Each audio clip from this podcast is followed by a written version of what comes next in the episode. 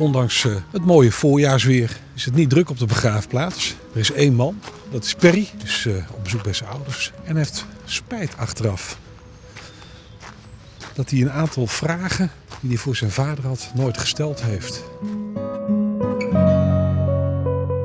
Ja, we zijn Grieken. Vader die komt eh, uit eh Thera. Thera is een plaatsje in uh, West-Turkije vlakbij eh, Smyrna, wat tegenwoordig Izmir heet. En mijn moeder die eh, komt ook uit West-Turkije, maar die is in Griekenland geboren. Maar mijn vader en moeder zijn allebei vluchtelingen. Eh, die zijn gevlucht voor Atatürk destijds, die eh, de onafhankelijkheidsstrijd aanging met de Grieken en alle Grieken verdreef richting Griekenland. Zo zijn mijn vader en moeder in Griekenland beland. En mijn vader is op 15-jarige leeftijd naar Nederland gekomen. Ja, hij is door familieleden, door een neef van hem hierheen gebracht. En na de Tweede Wereldoorlog is hij naar Griekenland teruggegaan om eh, een bruid te zoeken, zoals het in die tijd ging.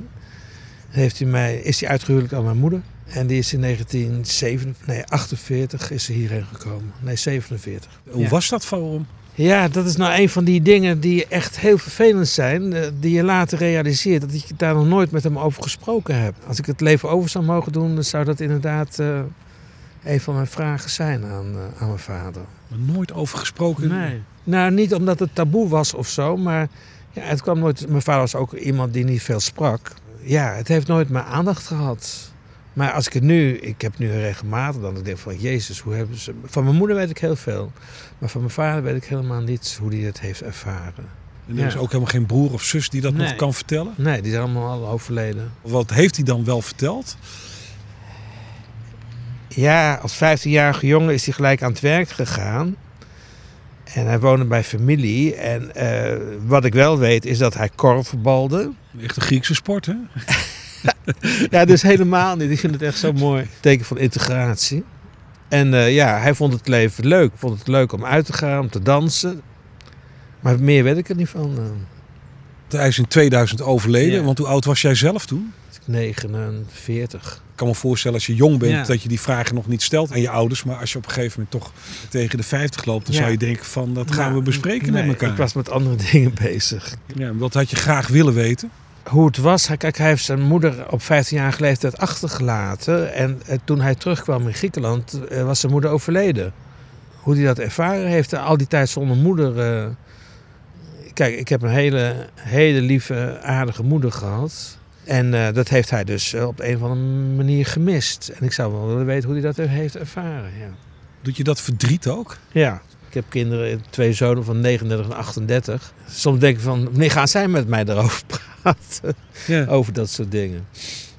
Maar ja, dat gebeurt ook niet. Ja, ik weet het niet. Ja, ik heb mijn moeder ook, eh, ja, die is ziek geweest. Daar hebben we voor gezorgd. Ja, waren we mantelzorgers. En het was soms ook wel moeilijk. En dan deed ik eh, nogal naar tegen haar. En eh, daar heb ik nu ook heel erg veel spijt van. dat moet je gewoon niet doen. Je moet gewoon... Maar ja, je bent gewoon een mens. En soms wordt het je allemaal te veel. ja. En dan heb je dat soort dingen. Maar waar werd je dan boos om? Ja, dat ze niet deed wat ik wilde of zo. Of dat ze zat te zeuren. Ja. Daar heb ik er inderdaad ook spijt van. Maar ja, je doet, je doet er niks aan. Hè? Ik bedoel, ja, het is zoals het is. Maar het is wel, ik zou dat wel willen meegeven aan anderen. Aan mantelzorgers. eh, hoe moeilijk het ook is af en toe. eh, blijf positief gesteld. te- voor degene die je verzorgt. Want eh, je, hebt er laat, je kunt er later spijt van krijgen. Ja. Je moeder, daar weet je wel alles van. Ja, zeker. Daar weet ik heel veel van. Ja. Want Nee. Hoe was het voor haar? Want zij kende eh, jouw vader niet. Nee. En Ze moest elkaar- daar vandaan... eh, Ja, nou, dat helemaal precies. Gaat schot in de roos. Mijn moeder heeft mijn vader twee keer gezien, of drie keer, weet ik veel. En eh, ze heeft mijn vader goedgekeurd, zoals het dan ging, als je wordt uitgehuwelijkt.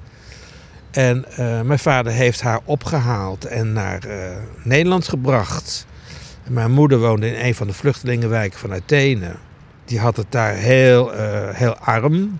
En werd maar wel in een heel vredig en eh, warme familieomgeving. En met de buren en dergelijke. En daar werd ze uit gerukt. Op weg naar een totaal vreemde man. Waarmee ze zou gaan trouwen. Nou, dat is gelukkig allemaal goed gegaan. Maar ze heeft wel heel veel verdriet gehad. Omdat het leven in Nederland natuurlijk ook totaal anders is dan eh, in Griekenland. En zeker in die tijd. Nu eh, weet je meer over de wereld. En in die tijd was het gewoon allemaal heel moeilijk. Moest je uit kranten en weet ik veel eh, waar vandaan. Of uit filmen, films, beelden zien van hoe het leven elders was. Ja, dat, is, dat was gewoon heel lastig. Zij heeft er heel veel verdriet van gehad. Maar gelukkig werd ik geboren. Dat heeft ze ook, ook zo aan mij verteld. In 1949. En had ze iets voor- zichzelf helemaal.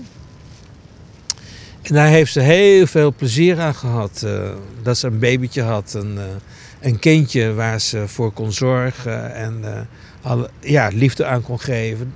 Dat ze ook bij mijn vader, daar gaat het niet om. Maar ja, het was gewoon een troost voor haar. Ja, zo is het gegaan een beetje. Ze miste haar familie, vrienden. En als wij ook naar Griekenland gingen, en later eh, gingen we met de trein. Want eh, vliegtuigen en zo, ja, die waren er wel, maar voor hele rijke mensen, maar niet voor ons. Drie dagen in de trein, volgepakt met eh, vele koffers, waar allerlei cadeautjes in zaten. Want iedereen moest natuurlijk eh, voorzien worden van een cadeautje.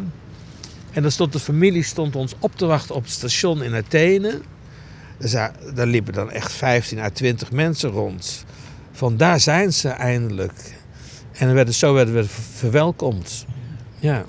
En, en dan naar een vluchtelingenwijk in Nou, Athene was dat ja, dan. Kijk, het is, de Griekse overheid heeft destijds een, een hele wijk gebouwd. eh, met huisjes eh, die eh, verstrekt werden aan vluchtelingen. Zodat al die mensen die uit Klein-Azië, zo heette dat, West-Turkije, naar Griekenland kwamen, daar gehuisvest werden. En eh, in een van die huisjes eh, eh, woonden mijn, mijn oma en opa en mijn, mijn moeder met haar zusters. Maar dat was blijdschap, maar ik denk ook verdriet. Als we weggingen was het gewoon twee uur lang huilen. Maar met name mijn oma, ja, die was ontzettend verdrietig. Dat was een hele happening. Maar een heel, heel goed gevoel heb ik daarvan overgehouden. Wat deed je dan daar? 1955 en 59 en 63 daar geweest. Wat ik daar deed, ja, dat is ook wel een mooi verhaal. Mijn moeder had een vrij grote familie. En wat we deden was eh, ja, de familie bezoeken. Ik moest keurig gekleed, opgedoft, eh, met mijn moeder mee naar de familie toe. En overal waar we kwamen werden de beste gerechten en eh, uitgebreid gekookt voor ons. Mijn moeder Maria uit, eh, uit Nederland was er met haar zoontje. En die zag je maar eens in de vijf jaar. Dus ja, we werden dus totaal verwend. En als ze twee bezoeken op een dag hadden, was het echt dramatisch. Want dan moesten we twee keer uitgebreid eten. Dat kan ik me nog herinneren. Daar had mijn moeder ook moeite mee hoor. Ja. Maar ging je vader dan niet mee? Mijn vader die, eh, die werkte, die was bondwerker. In Utrecht eh, hebben een aantal Griekse bondhandelaren eh, hadden hier zaken. Die, waarvan twee daarvan, dat waren volle neef van, van mijn vader. En mijn vader werkte bij, hen, bij een van hen in het atelier. En mijn vader was een work-alcoholic. Die kon echt eh, van s morgens vroeg tot s avonds laat in de bond, aan het bond werken. En ja, we hadden het ook niet zo breed. Dus eh, hij stuurde ons voor twee maanden naar Griekenland. Zelf kwam hij dan voor twee of drie weken. Je ouders zijn bij elkaar gekomen. Je moeder gaf goedkeuring. Eh. Twee, drie keer is je vader naar Griekenland geweest. Uiteindelijk naar Nederland meegenomen. Ja. Waren ze verliefd? Dat weet ik niet. Maar ik weet wel dat ze van elkaar zijn gaan houden. Dat is, dat is echt gegroeid, ja. Dus Zo heeft mijn moeder mij dat verteld, ja. En op het einde waren ze echt super... eh, hielden ze ontzettend veel van elkaar. Mijn moeder heeft ook ontzettend veel verdriet gehad... toen mijn vader overleed in 2000. Ja. Je ziet nu hele vluchtelingenstromen naar Nederland komen. Ja, die Ja. zitten natuurlijk vaak komen die in de opvang terecht. Ja. Dat was toen niet. Nee, dat was het toen helemaal niet. Nee, zeker niet. Voor 1960 waren er, waren er ongeveer 1100 Grieken in eh, heel Nederland. Waarvan de meeste in Utrecht woonden. Maar daarvoor, ik, ik denk dat er 100 à 200 Grieken in Nederland waren. En waarom gingen die naar Utrecht toe? Vanwege het bond? Ja, mijn vader is hier zo terechtgekomen. Er waren ook heel veel Grieken in Rotterdam, in de scheepvaart. Omdat het, in, die, in die tijd was de Griekse koopvaardij eh, heel erg ontwikkeld. En er deden heel veel eh, Griekse boten Rotterdam aan. En die werden bevoorraad door Griekse bedrijfjes. Hoe kijk je er nu dan tegenaan? Je ouders zijn vluchtelingen geweest. Als je dan nu ziet wat er gebeurt. Ik weet wat het is om te moeten migreren naar een ander land. Dat heb ik dus echt heel erg eh, ervaren. Niet, niet zelf ervaren, maar bij mijn ouders, bij Griekse mensen. En de- daar denk ik dus elke keer weer aan van eh, hoe erg het is om ja, je je hebben en houden achter te moeten laten en in een vreemd land terecht te moeten komen. Ja. Dat is echt verschrikkelijk. Wat heb je het meest meegekregen van je ouders? Familieliefde. De liefde voor je kinderen en alles voor je kinderen over hebben. Zo waren mijn ouders ook. Ja, een van de belangrijkste dingen. Was je een prinsje? Ja, ik was wel een prinsje. Ja. Ik was ook enigst kind. Mijn vader en moeder die konden we altijd inschakelen als het nodig was. Het blijft een groot gemis dat ze er niet meer zijn. Ja en nee, je begint eraan te wennen. Want het is al inmiddels al eh, een, een, een tijd geleden. Mijn vader is zeker een tijd geleden, mijn moeder wat minder. Het was vijf jaar. Ja, vijf jaar. Ja, het blijft wel een gemis. Ja. Ik zou graag, ik had graag gewild, dat denk ik wel eens van. Hadden ze het maar mee kunnen maken, ja. Wat, en waar, waar doel je dan op? Nou, hoe we nu leven, dat we zeven kleinkinderen hebben. En we hebben een vakantiehuis in Griekenland, dat hadden we toen ook niet. Eh, ja, het gaat gewoon hartstikke goed met ons. Eh, we zijn gezond.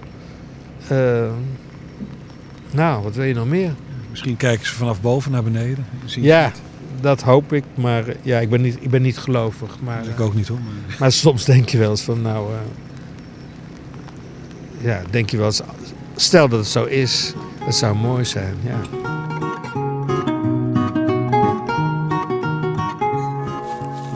Voor altijd in ons hart, Gerard Casimir. Casimir.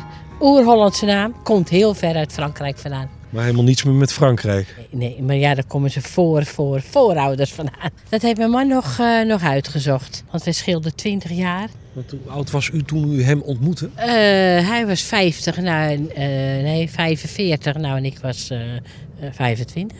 Maar dan merk je het niet zo erg. Alleen als met ouder worden, ja, dan merk je het meer. Het is hoe het gegaan is, is goed. Maar toch is dat toch op die leeftijd ook al een behoorlijk verschil. Nee, dat hebben we, no hebben we eigenlijk nooit zo, eh, zo ervaren eigenlijk. Want hoe hebben jullie elkaar leren kennen? Hij was buschauffeur eerst.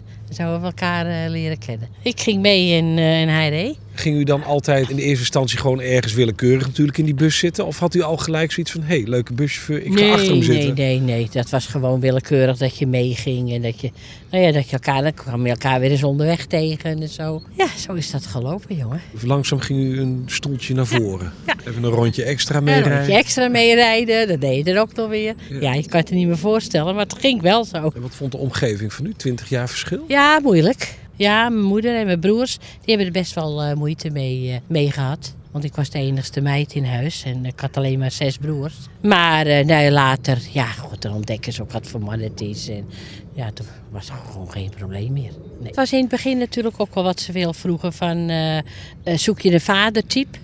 Maar nee, nee, dat was het niet. Het was gewoon toch de vonk. Hij heeft nooit dat vaderlijke gehad, zo van, oh, dit of dat. Want eigenlijk met mijn dochter ook. Hij had meer geduld dan dat ik had. En dat was misschien ook alweer omdat hij wat ouder was. Dat hij, ah, dat moet je zo bekijken of dan moet je zo bekijken met de week. Want toen zij in de puberteit kwam. Op een gegeven moment bent u 45, dan is hij 65. En wordt dat Ja, verschil wordt dat dan groter ook? Nou, met een jaar, toen een jaar of 70 was, toen begon hij te kwakkelen. Ja, dan, dan ga je het merken. Dan sta je zelf nog vief in het leven. Nou ja, kijk, het was voor hem natuurlijk ook wel moeilijk. Want ik was toch wel een type wat toch alles bij wilde houden. En mijn, en mijn werk en alles en, en doen. Achteraf denk ik wel eens, daar heeft hij het best wel moeilijk mee gehad. Ik begrijp het op een gegeven moment, een jaar of 70, 75. Dan zijn hun toch een beetje rustiger en uitgedaasd en uitgeraasd. En eh, ja, goed, ik had mijn werk, ik ging weg en ik had mijn collega's en alles. Dus ja, dus dat, was wel, dat is wel eens moeilijk voor hem. Dat realiseer ik me nu pas hoor. Toen op dat moment niet. Eh, ja, was een bedrijfsfeestje. Dan ging je daar toch allemaal naartoe. Ja, en dat hoefde voor hem allemaal niet meer. Sprak hij zich daar ook over uit? Jawel, dat was best wel eens af en toe. Dat er een hartig woordje... Ja, dan was ik toch echt wel veel weg. Dat hij thuis was. Ik had zelf ook wisseldiensten. Dus dan was het best wel eens eh, moeilijk. Heeft dat nooit de relatie eh, opgebroken dan? Nee, nee, nee, nee, dat niet. We hadden toch vertrouwen in elkaar en toch zoiets dat je denkt, nee, dat niet. Als u nu op deze leeftijd dan terugkijkt, had u dat dan anders gedaan? Nee, ik heb, ik heb een mooi leven gehad, we hebben het heerlijk gehad. We zijn altijd overal geweest. We hebben nog een dochter gekregen. Dus ik bedoel op zich geweldig. Maar, ja, ja, het is toch, het is toch anders. Je had eigenlijk samen oud willen worden. En dat wist je natuurlijk van tevoren. Dat, tuurlijk, ik had ook eerder weg kunnen zijn, dat is onzin. Ja. Maar het had bij mij ook wat kunnen zijn. Dat is nu wel... eh, dan blijf je toch alleen achter en dan ben, ben je toch nog weer een stuk jonger. Maar is het voor u zwaar geweest? Nee, hij was zo ziek dat je gewoon dacht van... Hij, kon, niet- hij was gevallen in het ziekenhuis, uit bed gevallen. Heupfracturen, je, nou ja, van alles. En toen was het eigenlijk goed. Toen dacht je, ga jij maar. En dan heb je de rust mee. Tuurlijk is het zwaar, je mist iemand en dat is logisch. Maar, eh, maar niet dat ik zeg van... eh, nee, ik had er echt vrede mee. En dat heb ik nog. Al denk jongen, het is goed geweest voor je.